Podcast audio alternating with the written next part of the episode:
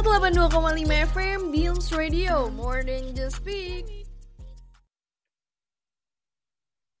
182,5 FM Beams Radio, more than just speak. Halo Beamers, balik lagi nih sama gue Andrew yang akan nemenin kalian selama satu jam ke depan di segmen Traveling Through Words. Tapi seperti biasanya nih, siaran gue hari ini nggak akan sendirian, tapi ditemenin sama partner gue, yaitu Christopher. Halo Christopher. Halo juga Bro Andrew.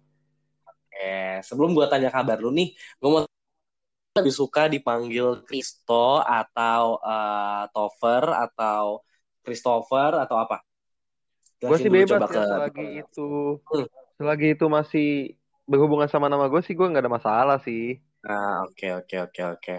Berarti gue manggil lu Christopher aja kali ya, misalnya ribet tuh yang Kristo, Topper tar gue lupa. Yo, okay. boleh. Uh, gimana nih kabar lu nih hari-hari ini? Gue kabar gue selalu semangat banget dong. Saking semangatnya gue hari ini, nah. gue mau transfer energi gue ke semua beamers yang mendengarkan ini lewat siaran hari ini. Mantap, mantap, mantap. Beamers di rumah juga harus ikut semangat, oke? Okay? Untuk menjalani aktivitas pagi ini. Nah, sebelum kita masuk ke pembahasan kita hari ini, gue mau ucapin happy Mandy buat Beamer semua. Selamat menjalankan aktivitasnya dan seru semangat ya. Oke, biar biar semangatnya makin bertambah, dengerin terus siaran kita. Biar biar hari Senin Beamers. Nah, dan sebelum masuk ke bahasan kita hari ini, gue nggak akan capek buat ini. Untuk Beamers Radio Alsut. Ya benar banget. Selain kita di sana update tentang siaran-siaran kita, tapi lewat Instagram juga, Beamer semua nih bisa berinteraksi sama kita. Jadi jangan malu-malu ya buat DM kita di Beams Radio Alsut. Mm-mm, bener banget nih Bimers. Oke, untuk memulai segmen kita, gue ada lagu Bandung nih dari Hana Caraka. Ini dia, Bandung Hana Caraka.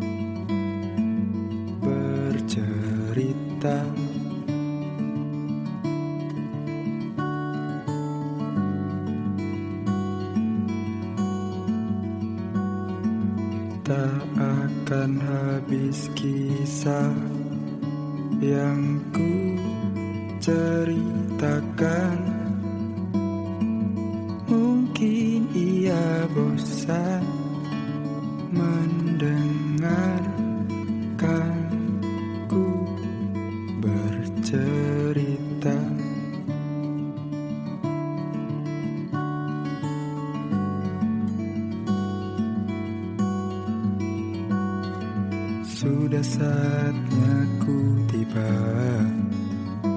Harapan dan angan pupus sirna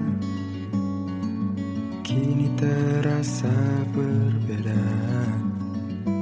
Bandungku kini tak sama.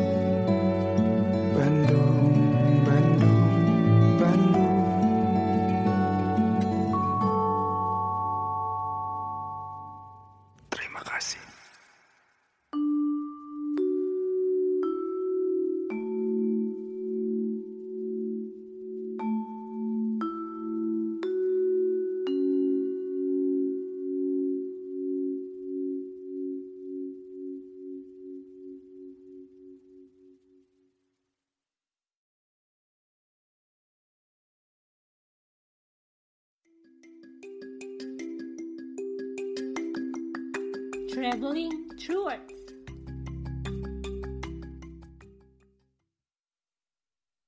Nah, itu dia guys, lagu Bandung dari Hana Caraka. Kalau tadi lagu pembukanya judulnya Bandung, berarti kita hari ini bakal traveling ke Bandung nih.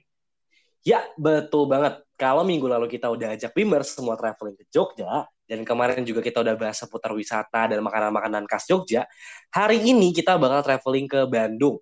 Dan kita bakal membahas Bandung mulai dari kafe-kafe viral yang, yang lagi hits di Bandung, sampai film-film apa aja sih yang syutingnya berlokasi di Bandung.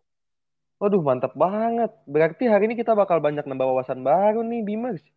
Jadi dengerin terus ya siaran kita kali ini, jangan di skip-skip. Tuh, jangan di skip-skip. Oke, kalau ngebahas soal Bandung nih, lu lebih suka nyari hiburan yang gimana sih? Gue sih sukanya nyari kafe-kafe unik ya yang ada di Bandung. Sebenarnya gue tuh bukan tipe yang suka nongkrong, tapi kalau di kafe di Bandung itu kayaknya unik-unik aja gitu. Jadi kayak lu wajib banget harus datang ke sana kalau ke Bandung, walaupun lu bukan anak yang suka nongkrong ya. Ah, Oke, oke, oke. Tapi lo punya nggak sih rekomendasi kafe-kafe unik yang bisa jadi referensi buat Bimers di rumah yang lagi mau liburan ke Bandung nih? Oh ada banget. Gue ada empat rekomendasi unik kafe Wow. unik yang ada di yang ada di Bandung nih yang harus dikunjungin sama Bims kalau lagi ke Bandung. Oke, langsung empat rekomendasi nih ya. Iyalah. Yang pertama, kita punya Cafe 8 Padi Bandung. Di cafe ini tuh Bimer semua akan menemukan konsep yang unik.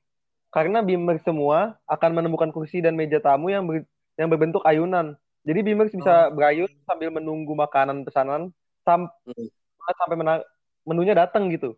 Namun aja, kalau Bimer semua lebih nyaman duduk di kursi atau di cafe ini, cafe ini juga bakal menyediakan kursi dan meja pada umumnya. Di Hmm. kafe ini rekomendasi eh ada dekorasi yang men- dinominasi dengan tanaman hijau. Jadi membuatnya kayak suasananya kayak ada di sebuah taman gitu. Selain Ah, kafe. 8 eh kafe 8 Padi ini punya banyak pilihan makanan yang beragam kok. Oke, oke, oke. Nah, kalau untuk lokasinya, kafe yang satu ini tuh di mana sih letaknya? Eh lokasi kafe 8 Padi ini terletak di Jalan Dipati Ukur nomor 8, Lebak Gede, Kecamatan Hmm. Coblong, Kecamatan Coblong, Kota Bandung, Jawa Barat. Kalau jam bukanya gimana? Nah, jam operasi dari kafe ini tuh dari Senin sampai Minggu, dari jam 8 sampai jam 10. Sampai jam 10. Iya. Ah, jam 10 malam kan, bukan jam 10 Iya pagi. dong, enggak dong. Oke, berarti ini kafenya bukanya setiap hari ya? Iya bener banget. Jadi BIM semua eh, gak usah khawatir deh, datang hari apa aja pasti buka. Oke, oke, oke. Kita lanjut ya ke rekomendasi kedua. Untuk Iya. rekomendasi kedua, kalau Bimers lagi mengunjungi daerah Dago Atas nih, maka jangan lupa buat mampir ke distrik Dago Cafe and Resto. Wah, ini gue pernah ke sini nih. Karena kafe ini punya banyak spot menarik untuk menambah koleksi foto OOTD. Nah, di sini Bimers juga bisa foto-foto dengan background bingkai jendela berwarna-warni yang menjadi spot ikonik di sini.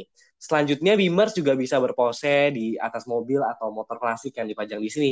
Dan kalau udah mulai lelah, udah mulai capek nih foto-foto, Bimers bisa manjakan diri dengan aneka rasa gelato yang tersedia di kafe ini. Dan nggak cuma gelato, tapi Bimers dan keluarga juga bisa menikmati menu makanan yang beraneka ragam. Mulai dari makanan ala Western Asia, hingga makanan untuk vegetarian bisa kalian temuin di sini. Wah, kafenya berarti lengkap banget nih. Betul. Mulai dari spot foto sampai makanannya juga macem-macem ya. Bener, bener banget.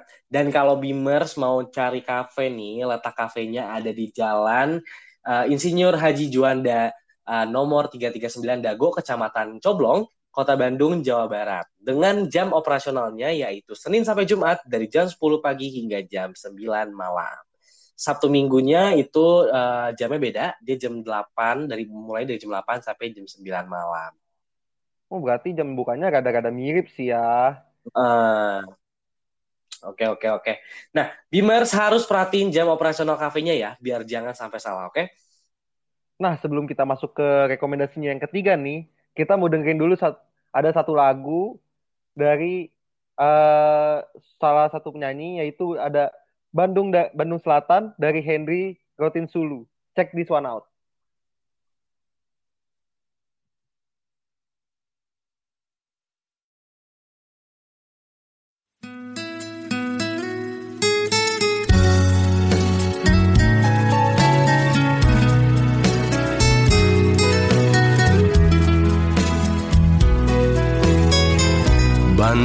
Selatan di waktu malam.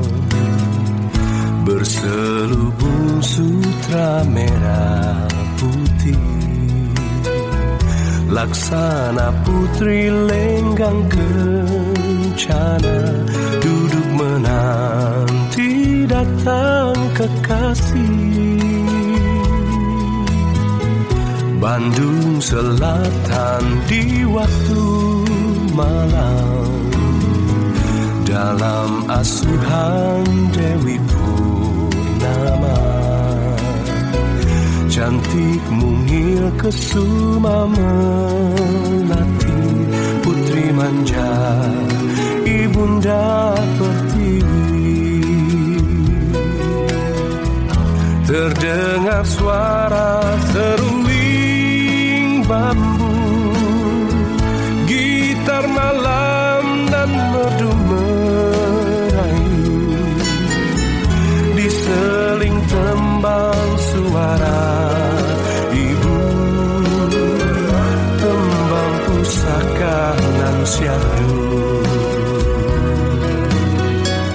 Bandung Selatan di waktu malam. Jauh terdengar suara nyanyian Sungguh indah sinarnya rembulan Riwayatnya tidak dilupakan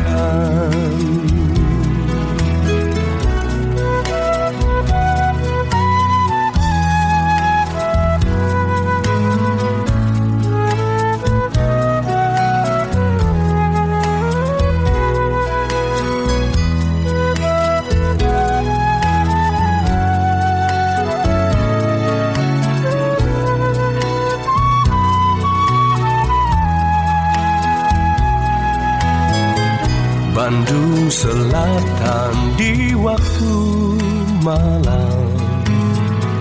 Berselubung sutra merah putih. Laksana putri lenggang kencana. Duduk menanti datang kekasih. Bandung Selatan di Dalam asuhan Dewi Purnama. Cantik mungil kesuma melati Putri manja Ibunda pertiwi. Terdengar suara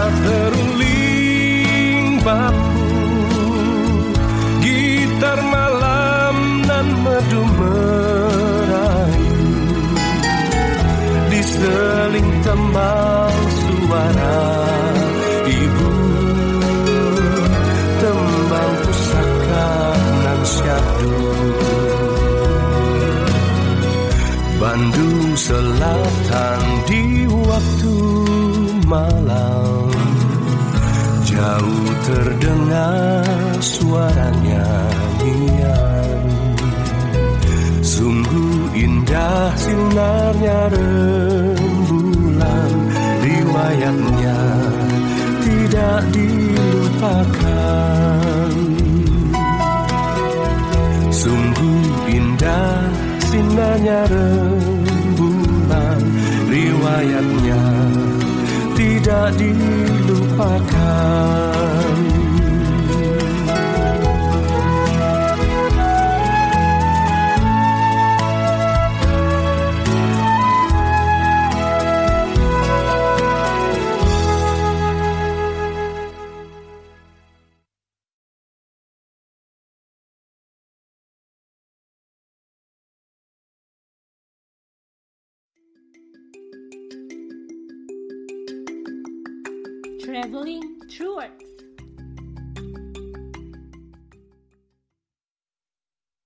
Nah, Beamers, itu dia tadi lagu Bandung Selatan karya Henry Rotin Sulu. Oke, sekarang kita lanjut nih buat kasih rekomendasi kafe unik di Bandung buat Beamers nih. Oke, yang ketiga kita punya Ka- Kalpa Tree Dine and Chill. Kafe yang satu ini tuh unik banget karena meja makannya ada di tengah kolam renang.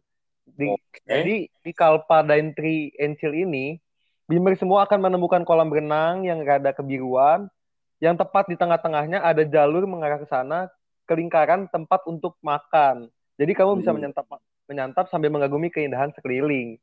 Oke. Suasana di kafe ini juga elegan banget. Dari area outdoor hingga ke pintu bi- berbingkai kaca, tangga spiral hitam, bar terbuka yang sangat western banget. Dan lokasi kapal Tri Dine and Chill ini ada di Jalan Keput- Kiputih nomor 37, Ciumbeliut, Kota Bandung, Jawa Barat. Dan perhatiin nih Bims ya, karena jam operasionalnya itu yaitu dari Senin sampai Kamis jam 9 sampai jam 10 malam. Jumat, Sabtu itu jam 9 sampai jam 11 dan operasi untuk hari Minggu itu dari jam 9 sampai jam 9 malam nih. Wah, kafenya unik banget ya. Ada kolamnya. Berarti sambil nongkrong kita bisa sambil ngerasa vibes pantai gitu. Bener banget. Kafe yang satu ini emang unik banget. Gue juga berharap bimbers-bimbers semua yang berkunjung ke kafe ini jangan sampai buang sampah di kolamnya ya. Karena kita juga harus sama-sama menjaga lingkungan sekitar kita.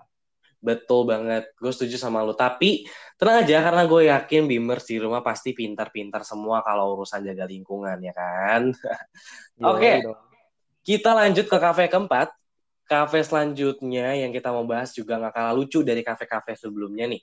Kalau tadi kita nongkrong dikelilingi kolam, kalau kafe yang satu ini kita makan di dalam kolam. Waduh, gimana tuh? Kita makan di dalam kolam. Banget.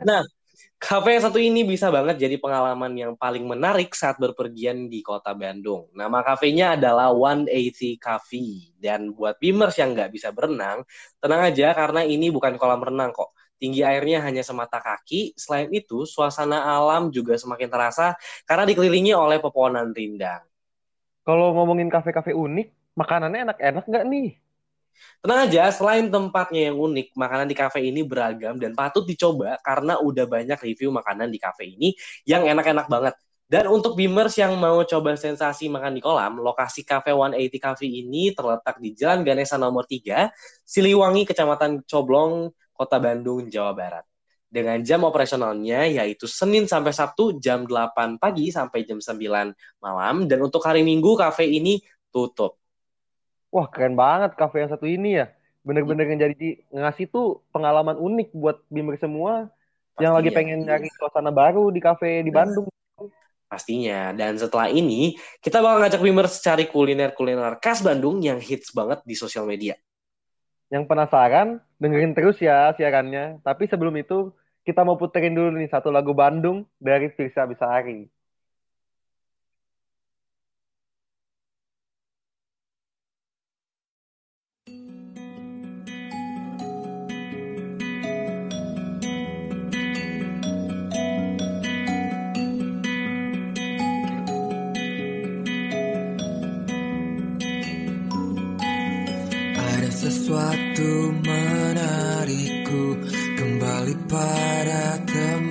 Tempat ini Mungkin keramahannya Entah cantik parasnya Menjejaki trotoar Braga Melihat pelukis jalanan Menggoreskan cerita Tentang canda dan tawa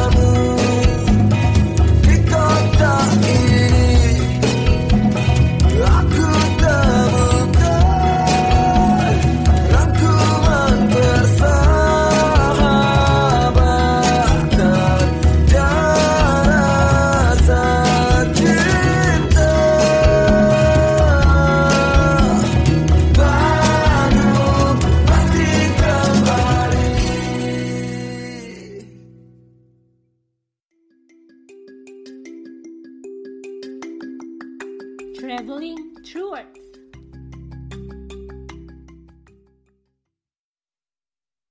Nah, guys, itu dia tadi lagu Bandung dari Fiersa Besari.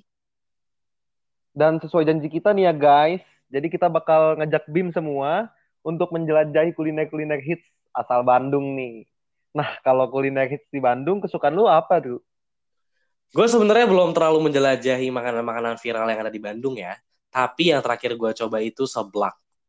Nah iya, seblak tuh terkenal banget sih di Bandung. Nah, buat BIM semua nih, yang belum tahu seblak itu rasanya kayak gimana.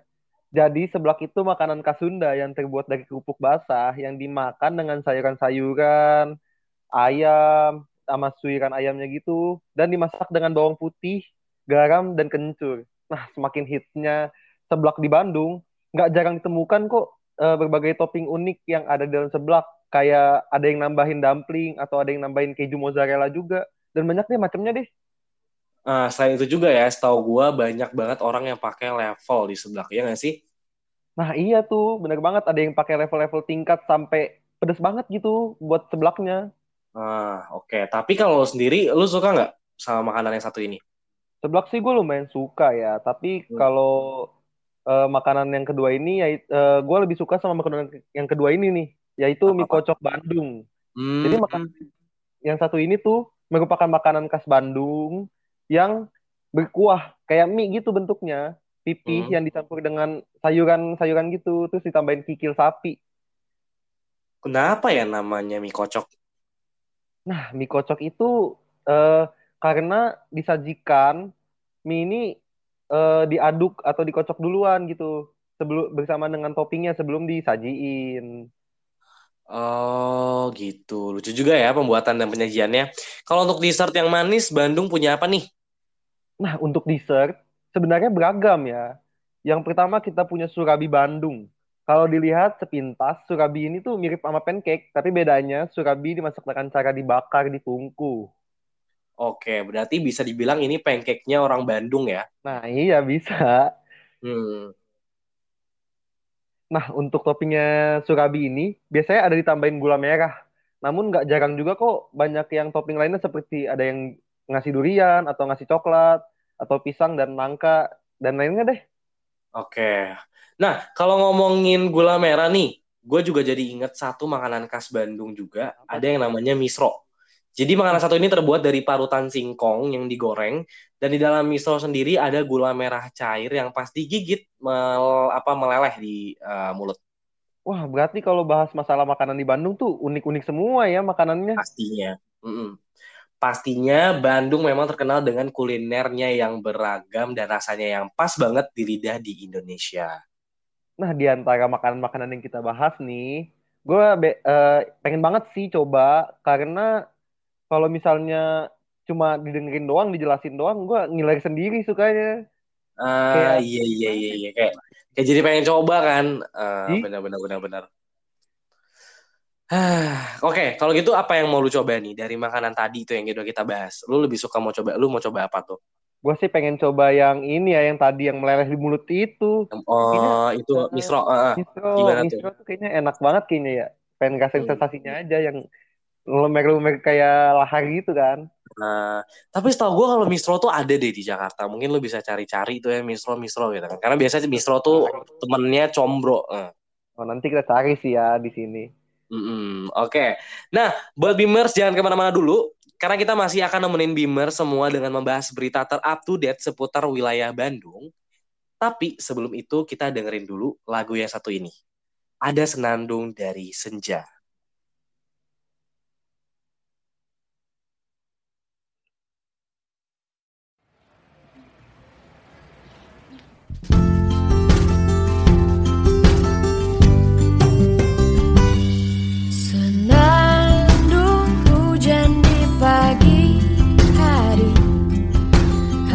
Hadirkan sebuah tanya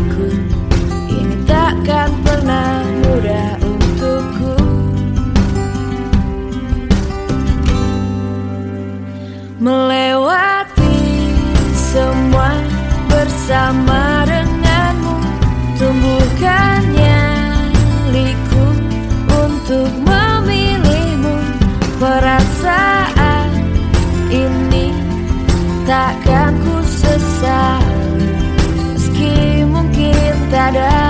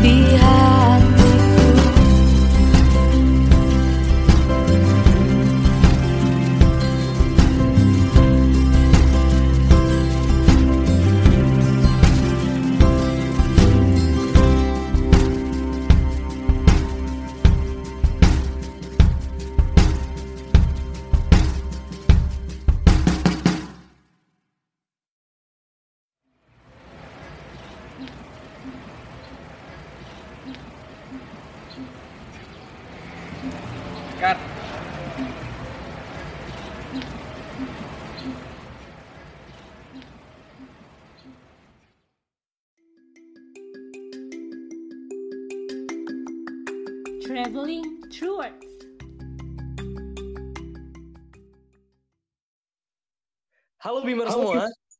Balik lagi nih sama gua Andrew. Dan gue Christopher. Seperti janji kita sebelumnya lagi, kita berdua bakal bacain berita ter-up to date seputar Bandung. Yuk langsung aja. Berita pertama, kasus COVID-19 di Jawa Barat terus meningkat. Hal itu berdampak terhadap bed occupancy rate atau BOR atau keterisian tempat tidur rumah sakit rujukan COVID-19. Maka dari itu eh, Pemprov Jawa Barat menambahkan ketersediaan tempat tidur rumah sakit. Saat ini totalnya sampai 9.907 tempat tidur. Berdasarkan Satgas COVID-19 Jabar hingga tanggal 13 Februari 2022, BOR rumah sakit meningkat hingga 44 persen. Maka demikian, Ketua Harian Satgas COVID-19, Jabar Dewi Sartika, memastikan keterisian tempat tidur masih aman atau masih di bawah standar Organisasi Kesehatan Dunia atau WHO, yaitu 60 persen. Ketua Satgas mengaku telah melakukan berbagai langkah untuk mengantisipasi tingginya tingkat keterisian tempat tidur atau rumah sakit. Sejauh ini, dari 9.907 tempat tidur yang terisi sebanyak 4.425 tempat tidur, pihak Satgas menjamin ketersediaan oksigen.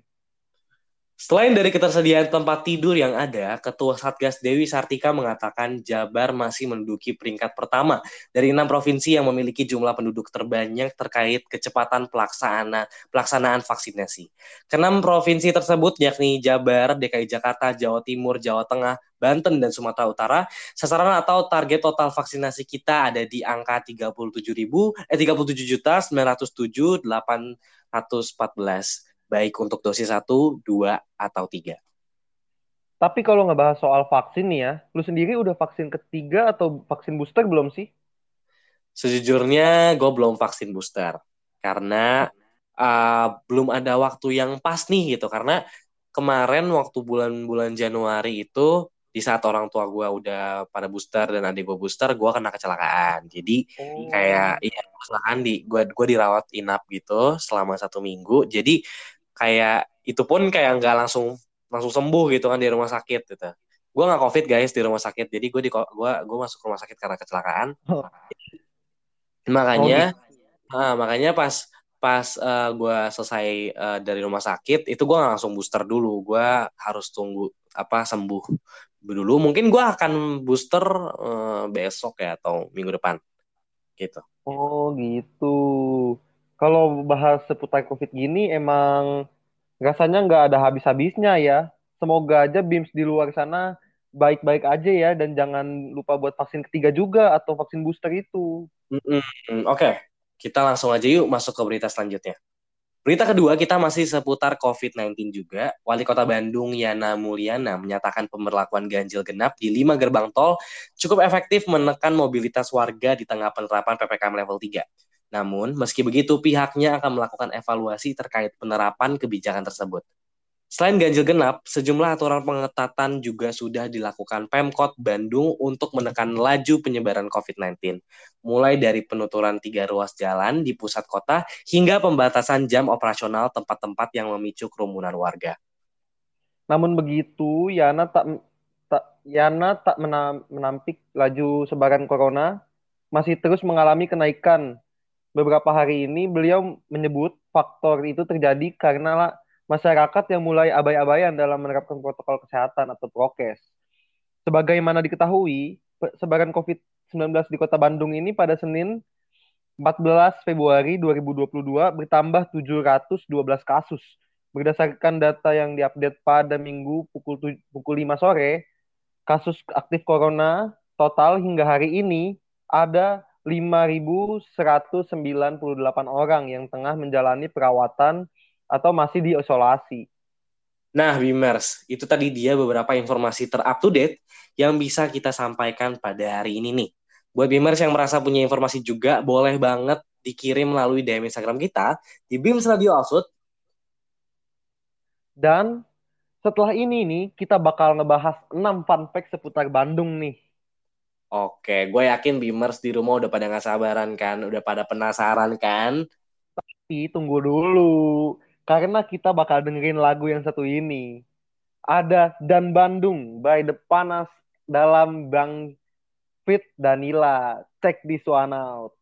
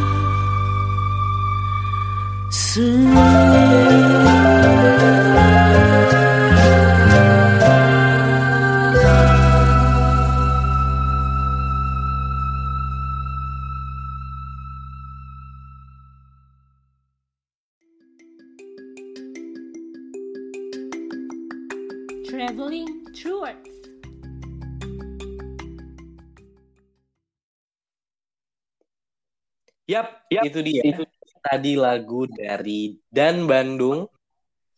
Eh, lagu Dan Bandung dari Depanas dalam Bank featuring Danila. Nah, sekarang kita mau ngapain nih, Chris? Sekarang kita mau bacain 5 fun fact unik sekaligus buat BIM semua. Oke, kita langsung mulai dari fun fact yang pertama. Oke, fakta unik pertama, asal mula terbentuknya nama kota Bandung berawal dari filosofi Sunda, ya yang di mana Bandung berasal dari kalimat sakral dan luhur yakni nang nga Bandungan Banda Indung. Kalimat ini memiliki makna bahwa segala sesuatu yang berada di, di alam atau hidup di bumi, baik makhluk hidup maupun benda mati, selain sinonim eh, selain sinonim banda yang artinya harta, indung yang berarti ibu atau bumi, maka dapat disebut juga sebagai ibu pertiwi nih atau tempat banda berada gitu, ibu pertiwi Bandung itu. Nah, berarti bisa kita artikan Bandung mempunyai nilai filosofis sebagai alam tempat segala makhluk hidup maupun benda mati yang lahir dan tinggal di Ibu Pertiwi yang keberadaannya disaksikan oleh Yang Maha Kuasa. Nah, bener banget. Begitu kira-kira singkatnya, aduh. Oke, menurut gue keren banget. Kalau Bimers ingat minggu lalu kan kita juga bahas mengenai nama Yogyakarta kan. Dan hari ini kita juga bahas mengenai asal nama Bandung. Gue sih cukup terkesan banget ya. Karena rupanya setiap nama tempat di Indonesia itu ada makna-maknanya tersendiri. Iya, betul. Eh, mak- maka kayak eh, setiap kali gue datang ke suatu kota, gue su- eh, suka banget nih nyari tahu lewat internet asal nama kota tersebut dan sejarahnya. Karena Hmm. menurut gue setiap kota itu punya cerita unik masing-masing gitu, setiap kotanya. Ya benar banget, betul banget. Jadi dari setiap kota yang kita kunjungin itu pasti ada pembelajaran tersendiri buat kita. Oke, kita langsung aja masuk ke fakta kedua. Terima kasih Chris untuk fakta yang pertama. Fakta yang kedua, kota Bandung dijuluki sebagai ibu kota dari Asia Afrika. Hal ini berawal dari keikutsertaan Indonesia dalam konferensi Asia Afrika yang berlangsung pada 18 sampai 24 April 1955 lalu dengan tujuan untuk mempererat solidaritas negara-negara di Asia dan Afrika serta melawan kolonialisme Barat. Konferensi Asia Afrika kala itu menjadikan Bandung sebagai tuan rumah berlangsungnya konferensi tingkat tinggi yang dihadiri oleh perwakilan 29 negara dari Asia dan juga Afrika. Dari konferensi ini sendiri menghasilkan apa sih, Du? Oke, konferensi ini tuh melahirkan 10 poin kesepakatan dan juga pernyataan Dasar-Sila Bandung serta menjadi cikal bakal terbentuknya gerakan non-blok pada 1961 menjadi saksi sejarah dunia kota Bandung dijuluki ibu kota dari Asia Afrika. Meskipun tidak secara resmi, namun dalam pidato Perdana Menteri India kala itu, Jawaharlal Nehru mengatakan bahwa Bandung adalah ibu kotanya Asia Afrika. Sampai saat ini, gedung mereka yang menjadi tempat berlangsungnya konferensi Asia Afrika masih berdiri kokoh di Bandung, yang salah satu sisi bangunan juga difungsikan sebagai Museum Konferensi Asia Afrika untuk kalian yang ingin mempelajari lebih dalam kisah bersejarah ini. Wih, keren banget ya Bandung ya. Keren Kita banget tuh beralih ke fakta ketiga ya, langsung ya Drew ya. Hmm. Selain dijuluki sebagai ibu kota Asia Afrika, banyak julukan lain di kota Bandung ini. Beberapa yang paling terkenal adalah Bandung itu sebagai kota kembang, Paris Paris Van Java. Kedua julukan ini juga merujuk pada keindahan kota Bandung sih, terutama pada masa lampau ya, ketika Bandung masih banyak dipenuhi pepohonan dan juga bunga-bunga. Paras kota Bandung ini yang sangat cantik yang membuatnya disebut kota kembang atau Paris Van Java. Nah, untuk fakta yang satu ini gue sih setuju banget karena sampai sekarang kota Bandung masih cantik banget. Jadi julukan kota kembang memang cocok banget sih buat Bandung. Mhm.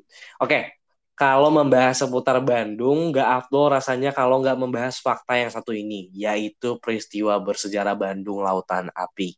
Peristiwa yang satu ini terjadi pada 23 Maret 1946, sekitar 200 ribu penduduk Bandung kala itu membakar semua rumah mereka dan meninggalkan kota Bandung yang telah menjadi lautan api ke daerah pegunungan di selatan Bandung.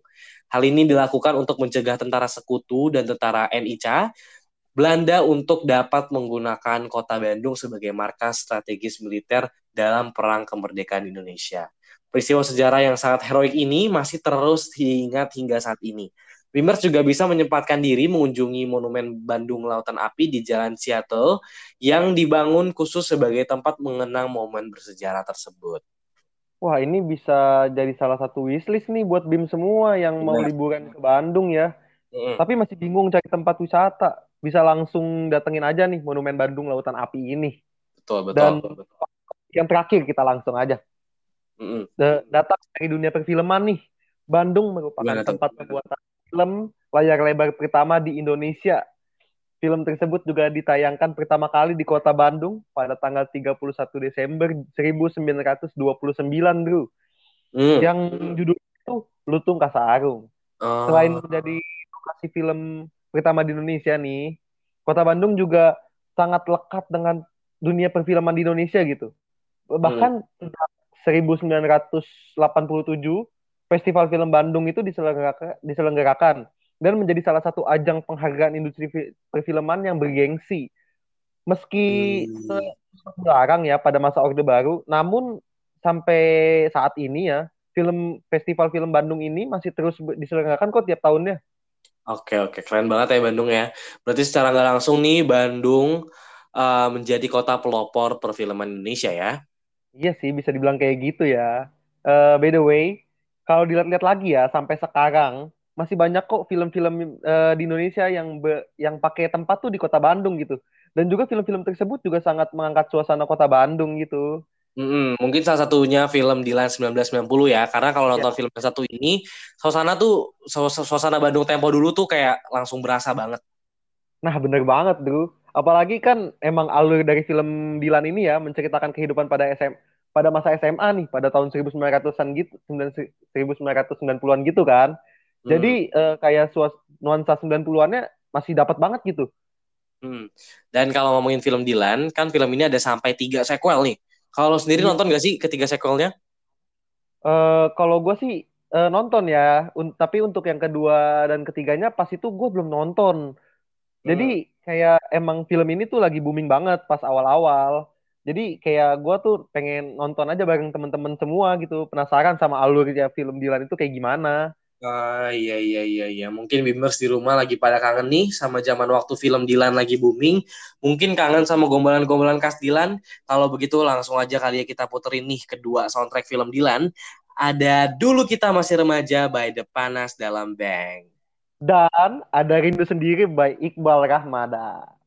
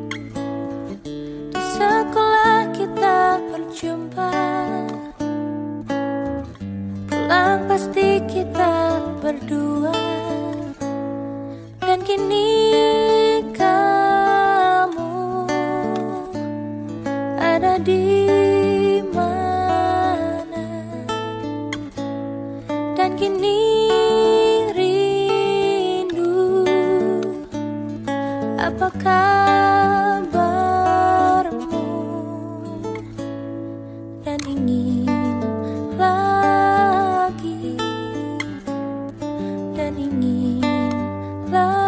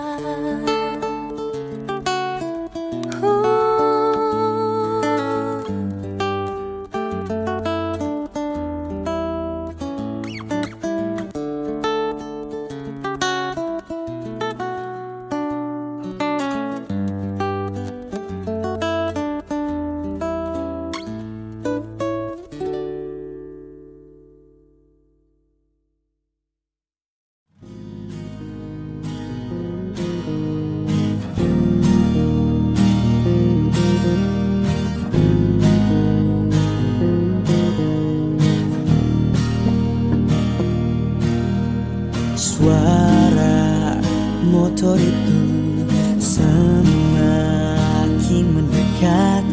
Kamu abaikan sapanya Dia berupaya mencari senyummu Dengan rayuan yang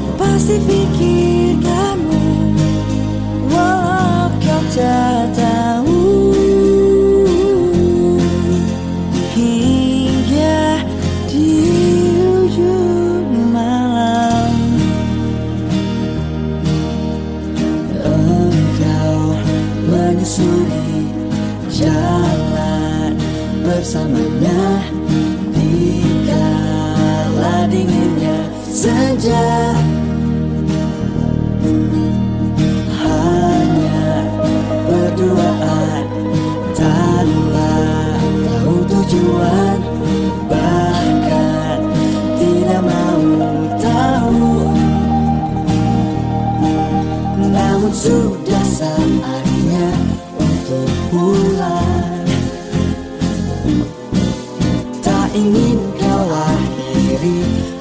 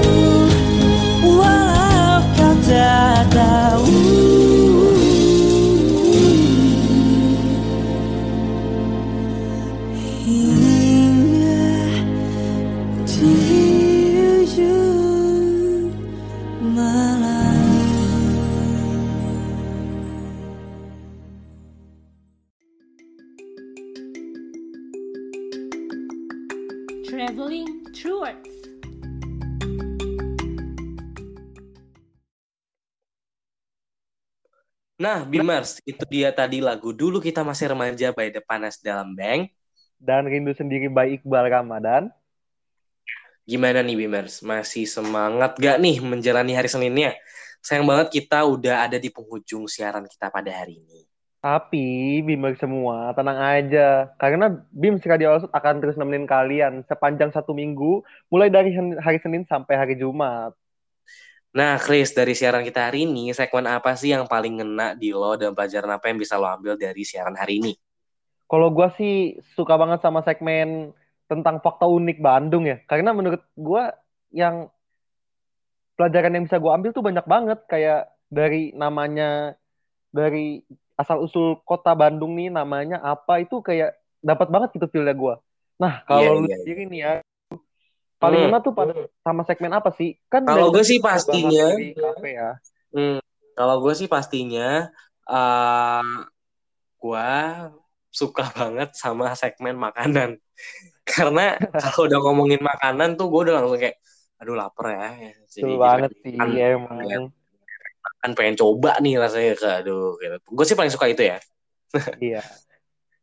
Wah, kalau pembahasan kita hari ini cukup eh mantep ya buat Bimer semua ya. Eh, pastinya infonya juga bakal membuat Bimer semua tercengang dong ya. Oh iya pasti. Iya. Nah, kalau Bimer sendiri segmen mana sih yang paling kalian suka? Kalau boleh, kalau boleh tahu ya, ba- eh, boleh banget lah langsung di chat Instagram kita langsung di DM. Tapi kalau Bimer semua mau kasih saran juga dan kritik juga boleh banget. Pokoknya Instagram kita terbuka buat Bim semua mau chat, mau request, mau apa pun itu. Iya betul banget. Oke. Jadi teman-teman jangan lupa ya, kalau misalnya kalian mau chat DM bisa langsung aja tuh DM di @bimers_radio eh Bims Radio Alsut. Nah. Oke, karena udah sejam kita nemenin Bimer semua, saatnya gua Andrew dan partner gua Christopher pamit undur diri.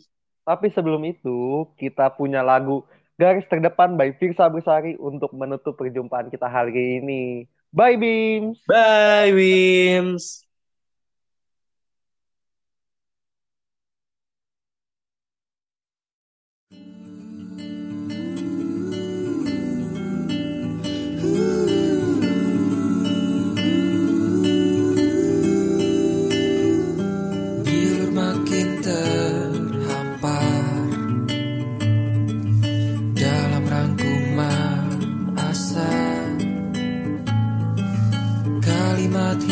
love.